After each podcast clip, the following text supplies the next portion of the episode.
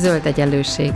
Bolyongás a gazdaság és a fenntarthatóság összefüggései között, az ökológiai közgazdaságtan gondolatai mentén. Beszélgetés mindazokkal és mindazoknak, akik mernek kérdőjeleket tenni a megkérdőjelezhetetlen mellé is. Üdvözlöm a Zöld Egyenlőség hallgatóit, Gébert Judit vagyok, és itt van velem Fiat Henrietta, aki egyaránt a BME-hez és a MOME-hez is tartozik, de majd mindjárt bemutatja magát, és elmondja, hogy ez hogy is van tulajdonképpen, és Hennivel vizuális kommunikációról, a fenntarthatóság vizuális kommunikációról fogunk ma beszélgetni. Hát üdvözöllek, Henni, itt a Zöld Egyenlőségben. Üdvözlök én is mindenkit, köszönöm a meghívást, te azt mondtad magadról, hogy te bölcsészmérnök vagy. Hogy lettél bölcsészmérnök, és mit csinál egy bölcsészmérnök? Ne, ez, tehát, hogy Ugye én a gépészmérnöki karon végeztem, és egy idő után ez ilyen nagyon hosszú volt elmagyarázni, hogy mit csinálok, és merre felé csinálok, és olyan nagyon jól hangzik magyarul, egyébként más nyelvekre nehéz lefordítani, hogy tudjátok, mit bölcsészmérnök vagyok. Erre egy eredetileg termék- és formatervező mérnökként végeztem a BM-én, és utána közel tíz évig dolgoztam mérnökként, tervezőmérnökként, gyártás előkészítő mérnökként, prototípusokat gyártottam, CNC marással, lézervágással, 3D nyomtatással dolgoztam, és mellette második diplomaként az akkor a Momén először elindított dizájn és művészetelmélet szakot is elvégeztem, és amikor ott azok a tanulmányaim véget értek, akkor hívtak oktatni a BME-re először, és, és akkor, akkor már vizuális kommunikációt, és az volt a feladatom, vagy azt kérték, hogy terméktervezőknek, tehát az én korábbi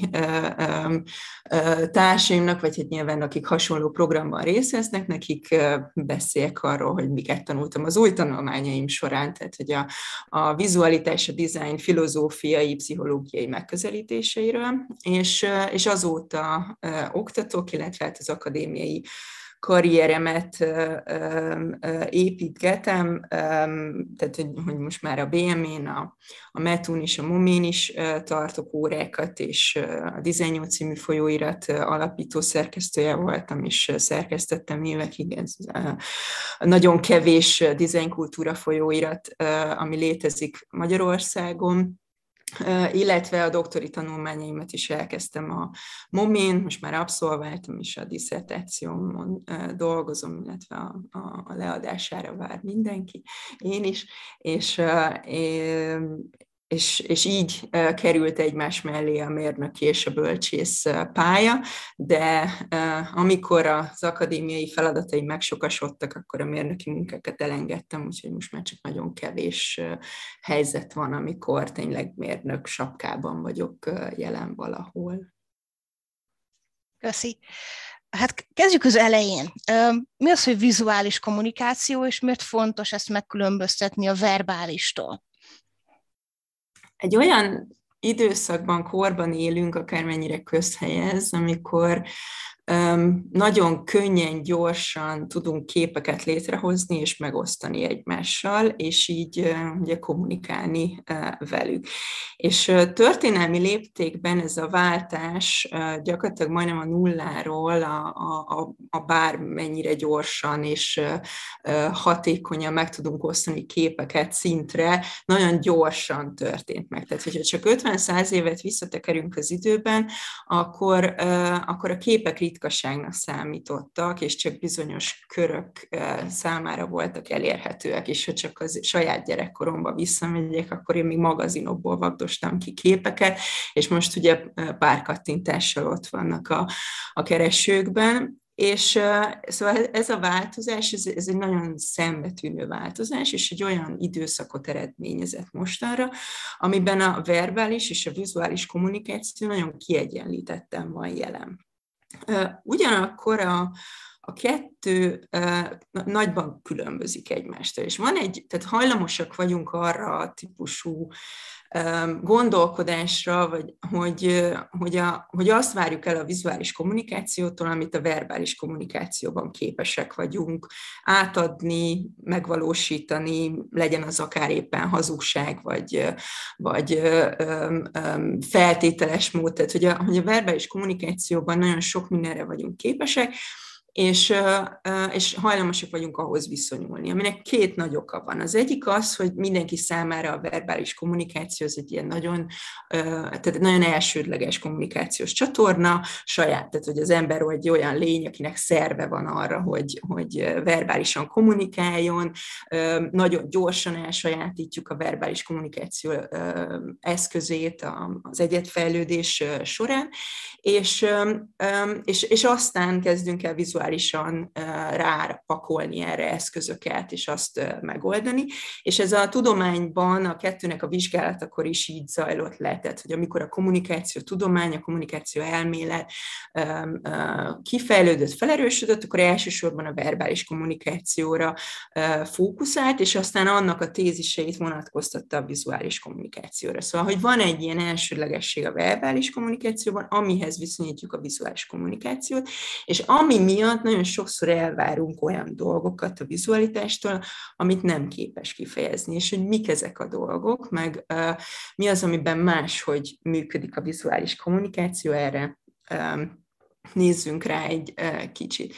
Ugye vannak nagyon triviális dolgok, és egyébként általában a vizuális kommunikáció ez egy triviális dolog, hiszen mindenki találkozik vele, mindenki befogadja. Tehát nem fogok nagy meglepetéseket mondani, amikor felteszem a hallgatóknak a kérdést, hogy miben különbözik a verbális és vizuális kommunikáció, akkor is azért a leg, legfontosabb dolgokat mindannyian össze tudjuk szedni pár perc alatt. Tehát ugye a vizuális, a vizualitás alapvetően sokkal nagyobb hatást képes kiváltani, mint, mint a verbális verbális kommunikáció, vagy egy szövegnek a látványa, egy szövegnek a, a, a befogadása.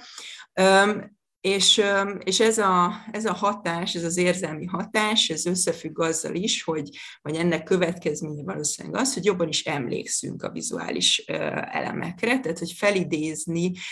könnyebb őket visszaemlékezni rájuk. Amiben persze, tehát hogy, hogy vannak egyéni különbségek, van, aki inkább vizuális típus, és van, aki kevésbé, de, az, a, de úgy nagy átlagban emberiség szintjén elmondható, hogy a szövegekre való, tehát hogy a szövegek szövegek befogadása, mert itt is különbséget tehetünk az elolvasása, a rátekintés a, és más módokon való találkozásval, de a, a képek, a vizualitás az, az így nagyobb hatással van ránk, és jobban megmarad az, memóriánkba. Ami nem jelenti azt, hogy szöveggel ne tudnánk egymásra hatást kiváltani, akár érzelmi hatást, tehát hogy ott van a költészet, és ott vannak nagyon erős szavak, stb. De úgy általában, amikor ez a kettő jelen van, akkor, az, akkor a képek ezekben az aspektusokban jobban teljesítenek. Ehhez képest a szövegek sokkal inkább képesek um, finom különbségek átadására és exaktságra. Tehát ugye a, a, a nyelvünkben, a verbális eszköztárunkban nagyon apró különbségekkel, nagyon nagy különbség, tehát nagyon apró változtatásokkal, nagyon nagy jelentésbeli különbségeket ki tudunk fejezni. Tehát múlt időt, feltételes módot, azt, hogy valaki azt gondolta, hogy valaki azt mondta, hogy öm, öm, olyan elvont fogalmakat, öm, mint a fenntarthatóság például, vagy öm, vagy a dialektikus materializmus, tehát hogy, hogy olyan fogalmakat képesek vagyunk leírni, sűríteni, és ugye szövegesen pontosítani is, hogy mire gondolunk, amihez képest a vizualitásnak van egy korlátozottabb eszköztára. Olyan tehát, hogy, hogy, tehát például feltételes módot, például múlt időt, például elvont fogalmakat sokkal nehezebben jelenítünk meg képileg. Nem lehetetlen, semmi sem lehetetlen egyik eszközben sem, a verbálitásban és a vizualitásban, csak van, amelyiket könnyebben megoldjuk az egyikkel, és a másikat, másikkal nehezebben. És, és ebből kifolyólag a, a, a képek, tehát hogy, hogy a képekkel ezeket a dolgokat máshogy közelítjük meg. És van egy alapvető ilyen, tehát hogy, hogy működésbeli különbség a két médiumban, a, míg a szövegek alapvetően időben elhúzódóan, lineárisan sorolnak egymás után állításokat, és, és adnak át információkat, addig ugye a képeknél, és szintén nem meglepő információ, de, de mégis egy fontos különbség a két médiummal, a képeknél egy területen, tehát ugye egy képen, határokon belül azonnal rengeteg információt kapok, és sokkal inkább térben uh, húzódik el az információknak a sora, mint időben. Tehát az idő, időbeliség lecsökken a verbalitáshoz képest, és a térbeliség fontosabb lesz, amit azt értem az alatt, hogy egy képet be kell tudnunk fogadni a határain belül, be kell járnunk a szemünkkel. És ez az időbeliség kontra uh, térbeliség, és az, hogy a képek egyszerűbb eszközökkel dolgoznak. Ez együtt, és, a, és akár az evolúciós biológiánkból eredeztetően, eredeztethetően együtt, hoz egy olyan viszonyulást, hogy amikor a képekre ránézünk, akkor mindig azt látjuk és mondjuk, ami a képen van. És van egy ilyen egyszerű lefordítási, kognitív folyamat az elménkben, hogy ha nem is mondjuk el magunknak, de mégiscsak az információkat, amit egy képről leszedünk, amit felismerünk, az, az ott van, jelen időben, kijelentő módban. És nem kezdünk el azon gondolkodni, hogy mi más lehetne a képen, mi nincs a képen, és egyebek,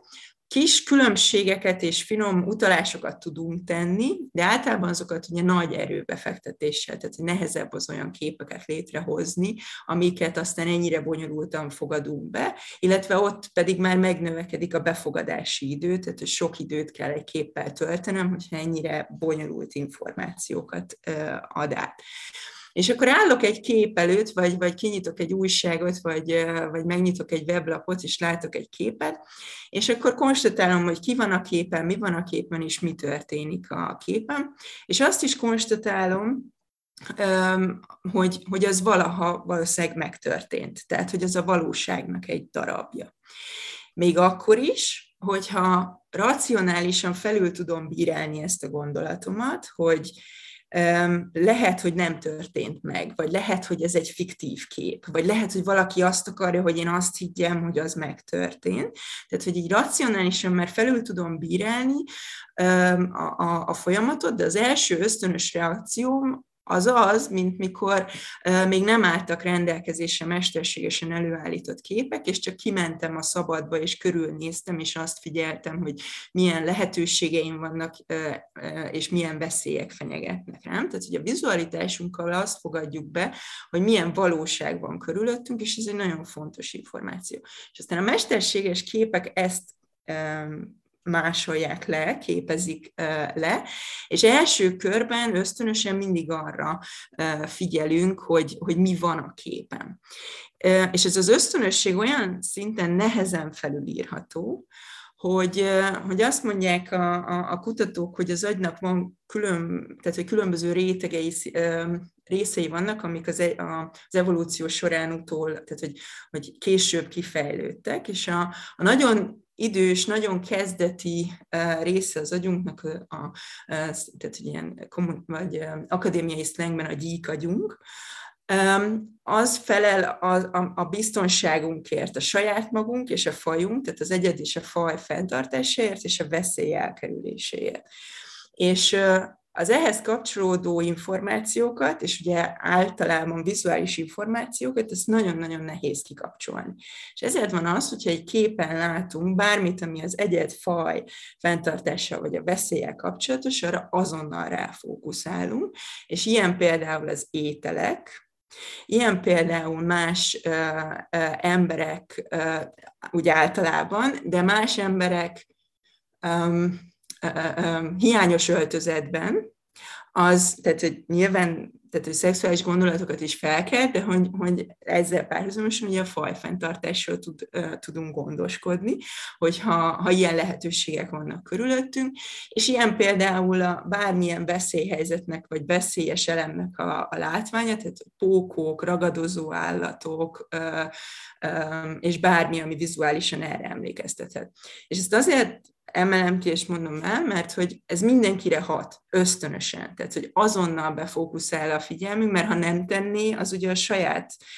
um, um, létezésünket, meg túlélésünket veszélyeztetni, és emiatt azonnal befókuszálunk, csak aztán nagyon gyorsan le is tudjuk uh,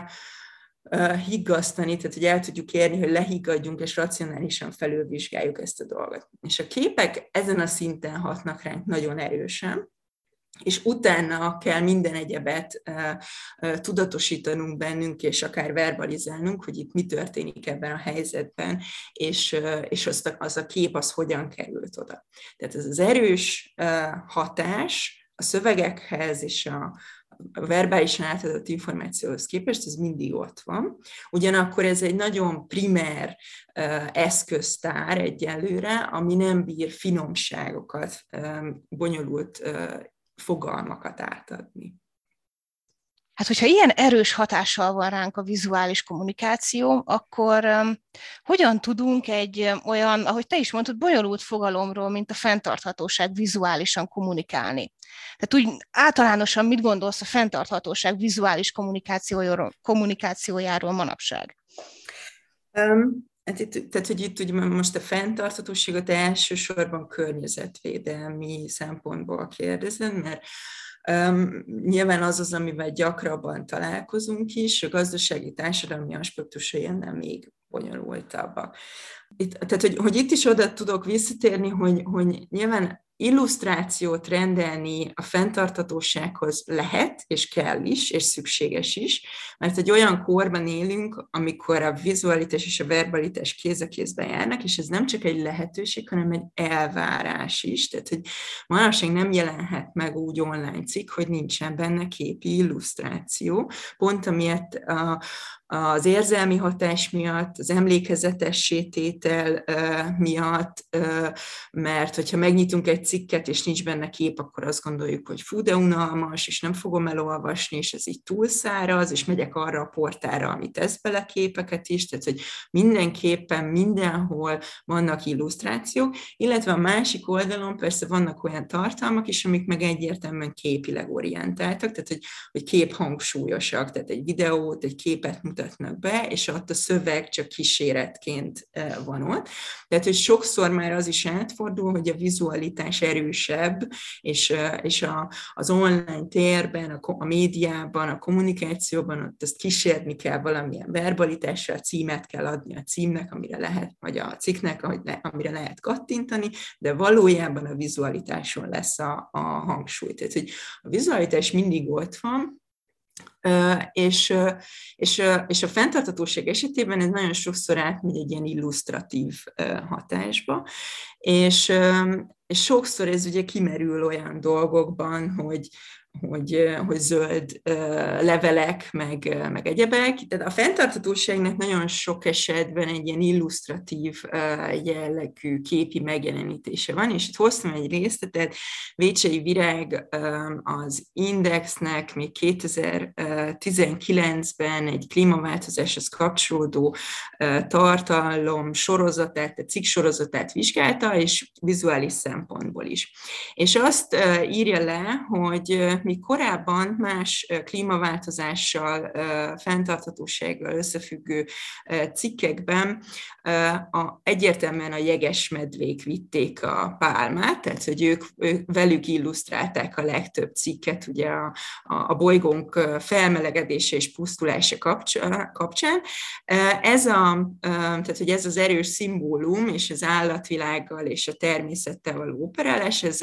a 2019-es évben évben átváltozott abba, vagy átfordult abba, hogy tüntető embereket mutatnak, tehát akik, akik dühösen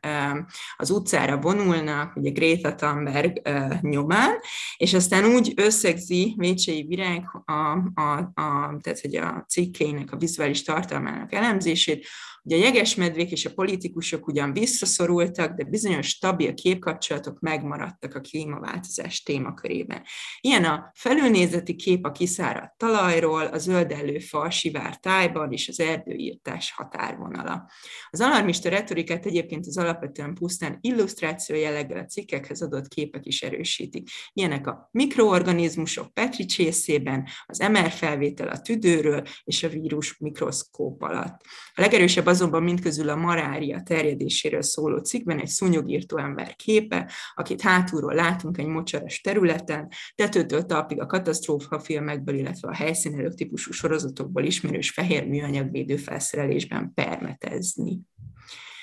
Ugye itt is az érződik, hogy, hogy vizuális szimbólumokkal próbáljuk meg ezt az egész ügyet leképezni, és azoknak erősnek kell lennie, erős érzelmi hatást kell kiváltania, amik valószínűleg ugye attitűdváltozásra, cselekvésre késztetnek minket, hogy akkor na mostantól teszek valamit a bolygóért, és ez nem maradhat így tovább. Egyrésztről én fenntarthatóbb életet élek, másrésztről kimegyek tüntetni, harmadrésztről olyan politikusokra szavazok, tehát hogy a, a, a, a fenntarthatóság vizuális retorikájában alapvetően ezek az elemek köszönnek vissza. És úgy gondolsz, jól van ez így, hogy ezek az elemek a fenntarthatóság vizuális kommunikációjának az elemei? Most, ha egy belegondolok abba, hogy amikor környezetgazdaságtan órákat tartok az egyetemen, én is ugyanezeket a vizuális eszközöket használom. Hát igazából magamra ismertem a jeges medvében és a tüntető emberekben, mert az én diáimon is ezek vannak. Kell -e ezt másképpen csinálunk, vagy lehet-e másképpen szerinted? Um Hát ugye most már azt is éri kritika, hogy, a, a, tehát, hogy ennek az egész ügynek a verbális kommunikációját máshogyan kellene csinálnunk. Igazából itt, itt ez a kettő kéz a kézben uh, jár. Attól függ, mi a cél. Hogyha ha ténylegesen az a cél, hogy drámai hatást elérjünk, amivel remélhetőleg attitűdváltozást elérünk, és, és én azt gondolom, hogy valójában ez a célunk a legtöbbször mostanában, hogy, Inkább egyébként a probléma azzal van, hogy, hogy nem azokhoz jutnak el ezek az üzenetek, akikhez el kellene. Tehát, hogy, hogy szerintem te is azzal találkozol, hogy a, az egyetemi hallgatókat már nem kell erre emlékeztetni, ők már ezt értik, ők már ettől stresszelnek, tehát, hogy van klímafrusztrációjuk, és, és nem őket kellene arról győzködni, hogy itt tenni kell valamit, hanem a társadalomnak más csoportjait, más rétegeit kellene elérni, akikhez vagy nem jutnak el ezek az üzenetek, vagy nem a megfelelő módon, stb. És hogy, hogy alapvetően azt gondolom, hogy ez a dühös, kétségbeesett, drámai, mm, és, és mondom, változást követelő retorika, tehát a, a megfelelő helyeken rendben van. Meg hát, tehát, hogy, hogy alapvetően a, a, a verbális kommunikációban is ezt hozzuk, Greta Thunberg is ezt uh, uh, alkalmazza, és, és, nagyon, és joggal nagyon dühös amiatt, hogy semmi hatása nincs ennek a típusú uh, uh, retorikának és, és kommunikációnak. És hogy, hogy változtathatnánk rajta, csak az a kérdés, hogy hova tudunk változtatni. Tehát, hogy lehetünk ennél ugye visszafogottabbak, meg távolságtartóbbak, meg objektívebbek, és akkor inkább az akadémiai attitűdhöz igazodóak, de, de az, meg, az meg még inkább vált ki reakciókat, és, és, és ugye, ha nem is bagatelizálja, de, de de visszanyomja ennek a szükség, tehát a, ennek a, a sürgősségét, ennek az ügynek a sürgősségét. Tehát, hogy, hogy azt gondolom, hogy ez így, így összhangban van, de és hogy, hogy a, a, verbális kommunikációval kapcsolatban is vannak kritikus hangok most már, hogy a, a melegház hatás az alapvetően egy nagyon kedves szó arra, ami történik, és hát a melegház az egy jó hely, ott mindenki szeret lenni, főleg a növények, és, és hogy ehhez képest más szavakat kellene alkalmaznunk, vagy a, az, hogy minden zöld, az olyan megnyugtató, és, és hogy, hogy a szó használat maga sem adja át azt a, azt a sürgősséget, azt a drámaiságot, hogy most már igazából késő is van, és hogy, tehát, hogy, hogy most már cselekedjünk, de igazából már most is elkéstünk a, a, a cselekvésre, tehát hogy igazából a, a, a vizualitás csak ezt hangsúlyozza, sőt, ugye a drámaiság szintjét még sokkal erősebben is alkalmazza, mint a, a szavak meg a verbalitás. Még a Greta Thunberg féle um, um, beszédek is alapvetően felolvasott beszédek, amiket uh, ugye ilyen szigorú, dühös arccal vagy szemmel kísér, de alapvetően még ott sem jelenik meg az a fajta kirohanás vagy érzelmi túlfűtöttség, ami viszont a képekkel valójában egész jól látható, úgy, hogy azért még mindig nem éri az a vád a képalkotót, vagy az illusztrálót, hogy hisztériát alkalmazna, vagy hisztériát keltene, vagy ilyesmit. Tehát, hogy ezt a drámaiságot én azt gondolom, hogy, hogy jól használják, de nyilván ez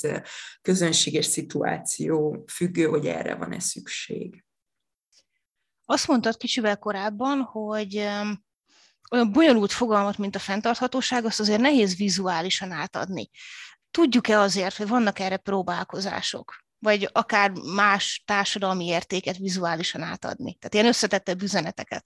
Vizuálisan ezeket a dolgokat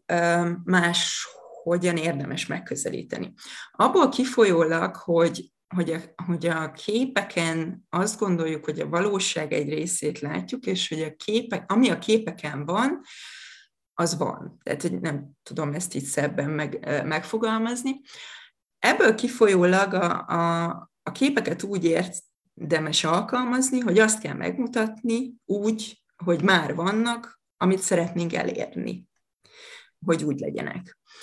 Um, és, és, és amikor nem ez történik, azt hívjuk ugye ilyen képi befolyásolásnak, meg vizuális sztereotípiáknak, tehát hogy, hogy például a társadalmi egyenlőség kapcsán az, hogy a, a kisebbségi csoportokat hogyan ábrázolnak egy TV sorozatban, egy filmben, egy ö, reklámban, ö, annak nagyon erős hatása van amiatt, hogy, hogy az emberek azt úgy fordítják le magukban, hogy a dolgok úgy vannak, ahogyan én azt látom. Tehát, hogyha egy, most ne, ne, hogy azon gondolkodom, hogy hogy ne legyek sértő, és olyan példát hozzak, ami semmiképpen nem sértő, de hogy, hogy az egyik szakirodalom, amivel szoktunk dolgozni, az, az hozza az amerik, nem bocsánat, a mexikóiakat, az amerikaiak mindig nagy szombréróval ábrázolják, és mindig tekilát isznak, soha nincsen pénzük, és most itt ugye régebbi ábrázolásokat mondok, vagy például a, a, az Tom Tom és Jerry sorozatban, meg az egyéb animációs filmekben a mexikói karakterek mindig uh, ilyenek. És akkor, hogyha ha mindig ezt látjuk a képeken, hogy mindig ilyenek, akkor, akkor ez rögzül bennünk, és akkor így alakulnak ki a sztereotípiáink olyan dolgokkal kapcsolatban, amikkel mi magunk nem találkoztunk, csak a médián keresztül. De hasonló a, a tehát hogy az LMBTQ plusz közösség tagjainak ábrázolása, mind vizuálisan, mind egy narratívában, tehát hogy ők a jó szereplő, rossz szereplő, milyen gesztusaik vannak, hogyan beszélnek, stb. És, és hogyha azon tudunk változtatni, hogy hogyan ábrázoljuk őket, illetve ezeket a fogalmakat, és azt ábrázoljuk, ami a kívánt, elért, helyes működési mód, reakció akár, tehát hogy, hogy az erre adott reakció, akkor azzal tudunk hatást elérni, és egyébként, tehát hogy ez meg a másik fontos dolog a, a vizuális ábrázolása kapcsolatban, hogy, hogy nagy hatást tudunk vele elérni. Tehát ugye nagyobb érzelmi hatás van, könnyebben felidézhető, visszaidézhető, emlékezetesebb az élmény, tehát hogy emlékszünk arra, hogy hogy volt felöltözve, milyen arcvonásai voltak, stb. Zsigeri szinten, ösztönös szinten hat ránk, tehát hogy, hogyha vonzónak találom, akkor ez kellemes érzéseket kelt bennem, és fordítva, tehát hogyha ha nem vonzó, akkor, akkor, akkor unszimpátiát. Tehát, hogy, hogy, hogy emiatt, és hogy egyébként ezt látjuk a vizualitásban átfordulni a médiában, vagy akár a hollywoodi filmekben, hogy ezekre az ábrázolásokra nagyon odafigyelnek most már, vagy hát az esetek többségében, meg a kritikus helyeken, tehát egy Disney filmstúdió, akinek a közönsége alapvetően a gyermekek és a családok, az nem engedheti meg magának, hogy, hogy úgynevezett rossz üzeneteket küldjön, vagy sztereotípiákat tápláljon és erősítsen a, a nézőben. És persze lehetnek független filmek, ahol pedig megengedhető ez a művészi szabadság, és nincs olyan nagy ereje. De hogy, hogy alapvetően azt, tehát hogy azt kell megmutatniuk, amilyen típusú társadalmat, amilyen típusú világot szeretnénk látni, és ennek nagyon nagy hatása és, és ereje tud lenni kognitívan is az emberekre. Tehát a klímaváltozással kapcsolatban is, ha valamit máshogy tudunk csinálni, akkor az alapvetően egy, egy olyan világnak a, a, a megmutatása, amilyen világot szeretnénk elérni. Mind természettel való kapcsolat szempontjából, mind az emberek egymáshoz való viszonya szempontjából, mind a politika és a, a tehát hogy a, hogyan kezeli a politika ezeket a kérdéseket. Amire viszont ugye azt a kritikát kaphatja nagyon gyorsan az alkotó, hogy ez egy mennyire naív elképzelés, és, és nem érdekes, mert nincsen benne elég dráma, vagy feszültség. Tehát ugye a, a, a, a, a, tehát ugye a cikkeket, a fenntarthatóságról szóló cikkek, illetve témákat kísérő illusztrációk, vizuális képekkel kapcsolatban is el van az, ott van az az elvárás, és működik az is, hogy olyan tartalmat kell oda tenni, ami az emberek érdeklődését felkelti. És azt ugye tudjuk, hogy abban feszültség és dráma és ellentmondás mások kellenek, mert akkor, akkor nőnek a kattintás számok. Tehát, hogy ugye a, a, a, a sztereotípiák ábráz, vagy a sztereotípiák mentes, sztereotípiáktól mentes ábrázolás kapcsán is ott van az, hogy, hogy létrehozhatunk egy sorozatot, egy reklámot, ami egy ilyen nagyon idilli,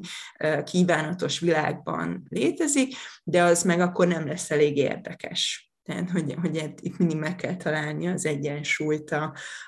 a kettő között, hogy még, még felkeltse az érdeklődést, de jó üzeneteket is küldjön, amiben egyébként szintén a,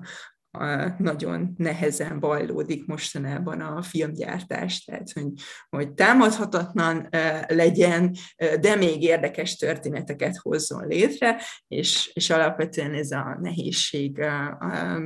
a fenntarthatósággal kapcsolatban is, mert hogy, hogy, hogy nagyon erős üzeneteket kellene tudni átadni, komplex üzeneteket is, változásra bírni az embereket, ugyanakkor megnyugtatni őket, tehát hogy egymásnak ellentmondó igények merülhetnek fel. Ugye ezekkel a vizuális eszközökkel a vállalatok is igencsak szeretnek élni, nem is kicsit, és tudom, hogy te foglalkoztál az IKEA vizuális kommunikációjával,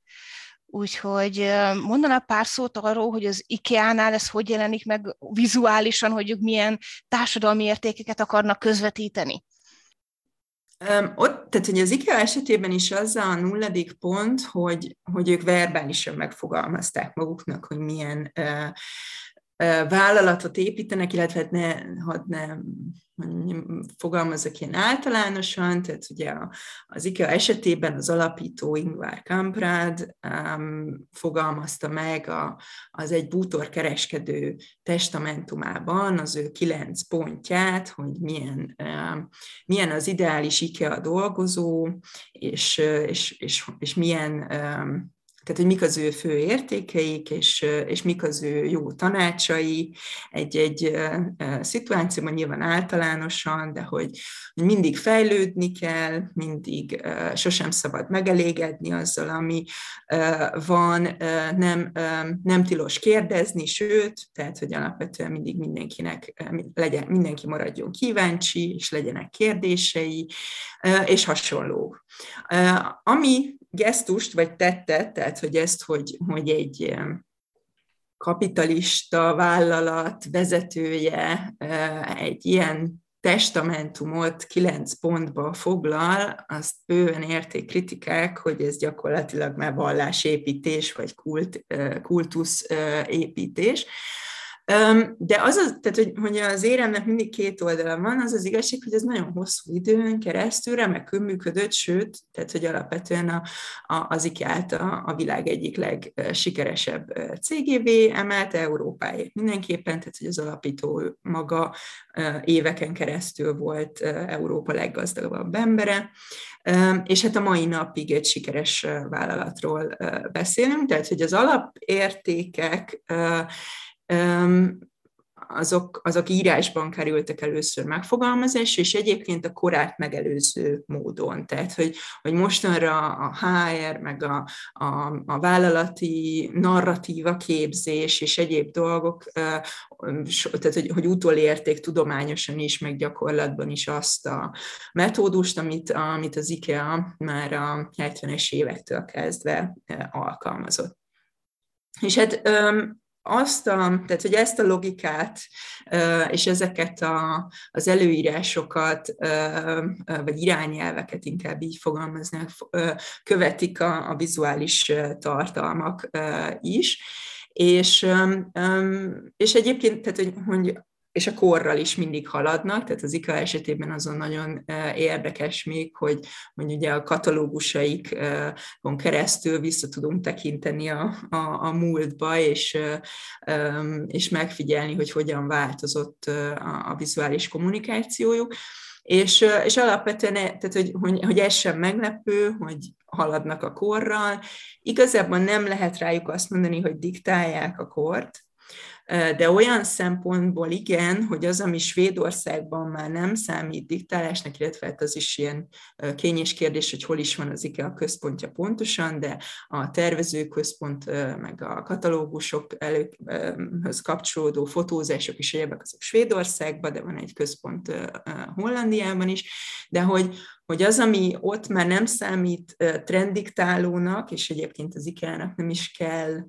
trendiktáló cégnek lennie, az például Magyarországon még nagyon sokszor furcsának hathat, vagy hát ugye túl előremutatónak, tehát hogy a társadalom állapota, vagy gondolkodás módja az nem feltétlenül van szinkronban azzal az értékrendszerrel, ami onnan érkezik. Tehát például az, hogy a, az utolsó IKEA katalógusokban látható emberek már a diverzitás teljes skálájáról érkeznek, az a, a dánkóros kisgyerektől a 60 éves nagymamáig, és, és mindenféle bőrszín, és um, um, rassz és, és egyebek megjelennek benne, tehát hogy tényleg a, lehető legnagyobb diverzitás, ami egy nagyon jó példa arra, hogy ha ezt úgy tálalod, hogy a világ ilyen, akkor, akkor az lesz, tehát hogy az, az képezi a normalitást, és, és, és akkor akinek ez nem tetszik, vagy kérdései vannak, azt tegye fel, de alapvetően ők ezen keresztül kommunikálnak egy értékrendet, ami az ő társadalmukban vagy már létrejött, vagy kívánatos állapot, vagy, vagy a cég értékrendszerével ugye harmóniában lévő állapot. Tehát, hogy, hogy, tehát, hogy, hogy ez a, a, a a társadalmi kérdésekkel kapcsolatban leginkább ezen keresztül tudnak kommunikálni. A fenntarthatósággal kapcsolatban a projektjeiket kommunikálják, amik ben megvalósítottak valamit, amire joggal büszkék lehetnek, és a fenntarthatósághoz kapcsolódik, tehát olyan anyagok felhasználása, olyan gyártástechnológiák alkalmazása, amivel kisebb hulladék kibocsátást, vagy széndiokszid kibocsátást eredményeznek, és akkor ezeket az eredményeiket kommunikálják, de az, tehát, hogy azért ezek általában verbális kommunikációban nyilvánulnak meg, a tervezőket mutatják be, tehát az emberek megmutatására és a nevük, a, az arcuk, a személyiségük megmutatására nagy hangsúlyt fektetnek, és, és elmesélik a történeteiket. Még egyébként ez nagyon jellemző, hogy az IKEA nagyon szeret történeteket mesélni. Igazából a vállalati értékek vállalaton belüli kommunikációját is a saját történeteik elmesélésén keresztül adják át már nagyon régóta, tehát hogy ez egy ilyen nagyon korán felismert eszköz volt a kezükben, hogy ezt, ezt így meg lehet tenni, tehát hogy Ingvar Kamprádról történeteket meséltek egymásnak, és ezen keresztül ilyen tanmesékkel adták át egymásnak, hogy hogyan érdemes egy helyzetben viselkedni, és a, és az, a katalógusokra is az utolsó évtizedben az volt jellemző, hogy, hogy, hogy történetekbe ágyaztak nagyon sok mindent a, a, a a termékek köré is történeteket szőttek, és elmondták a tervező történetét, a, a, a helyi közösség történetét, tehát az, hogy Romániában gyártanak bútorokat, akkor megmutatták az ottani gyárat, az ottani dolgozókat, tehát hogy mindig emberekről embereknek történeteket meséljenek. És csak egy lábjegyzet, hogy az IKEA katalógusokról múlt időben beszélek, mert hogy 2020 végén bejelentették, hogy nem, nem lesz több IKEA katalógus, úgyhogy ott egy több mint 50 éves időszak, sőt, ugye 70 éves időszak lezárult, és ami egy, tehát hogy számomra egy ilyen érdekes sem kutatható bázis, az IKEA katalógusok 1951-től 2021-ig, és a, mindig az adott korról árulkodnak, persze a maga marketing kommunikációs kontextusán belül, de így most már a katalógusok is a múlté lettek, haladnak a korral, és a digitális kommunikáció felé nyitott az IKEA is. Hát köszönöm szépen. Egészen elképesztő, hogy vállalatok is mennyire tudják a vizuális kommunikációval a normalitásunkat befolyásolni. Sőt. Sőt, igen. Igen, így van. A normalitásunkat, meg a, meg a vásárlási kedvünket. Igen. igen, meg a vásárlási kedvünket. Hát nagyon köszönöm ezt a beszélgetést neked, Henny, és köszönöm a Zöld Egyenlőség hallgatóinak is, hogy itt voltatok velünk. Én is köszönöm szépen. Minden jó. Ez volt az Új Egyenlőség zöld podcastjának mai adása. Hallgassátok az Új Egyenlőség piros podcastot is. Nézzétek a stúdióbeszélgetéseket a YouTube csatornákon, és olvassátok a www.újegyenlőség.hu-t. Vitatkozzatok velünk a Facebook oldalunkon. Jövő héten újra találkozunk.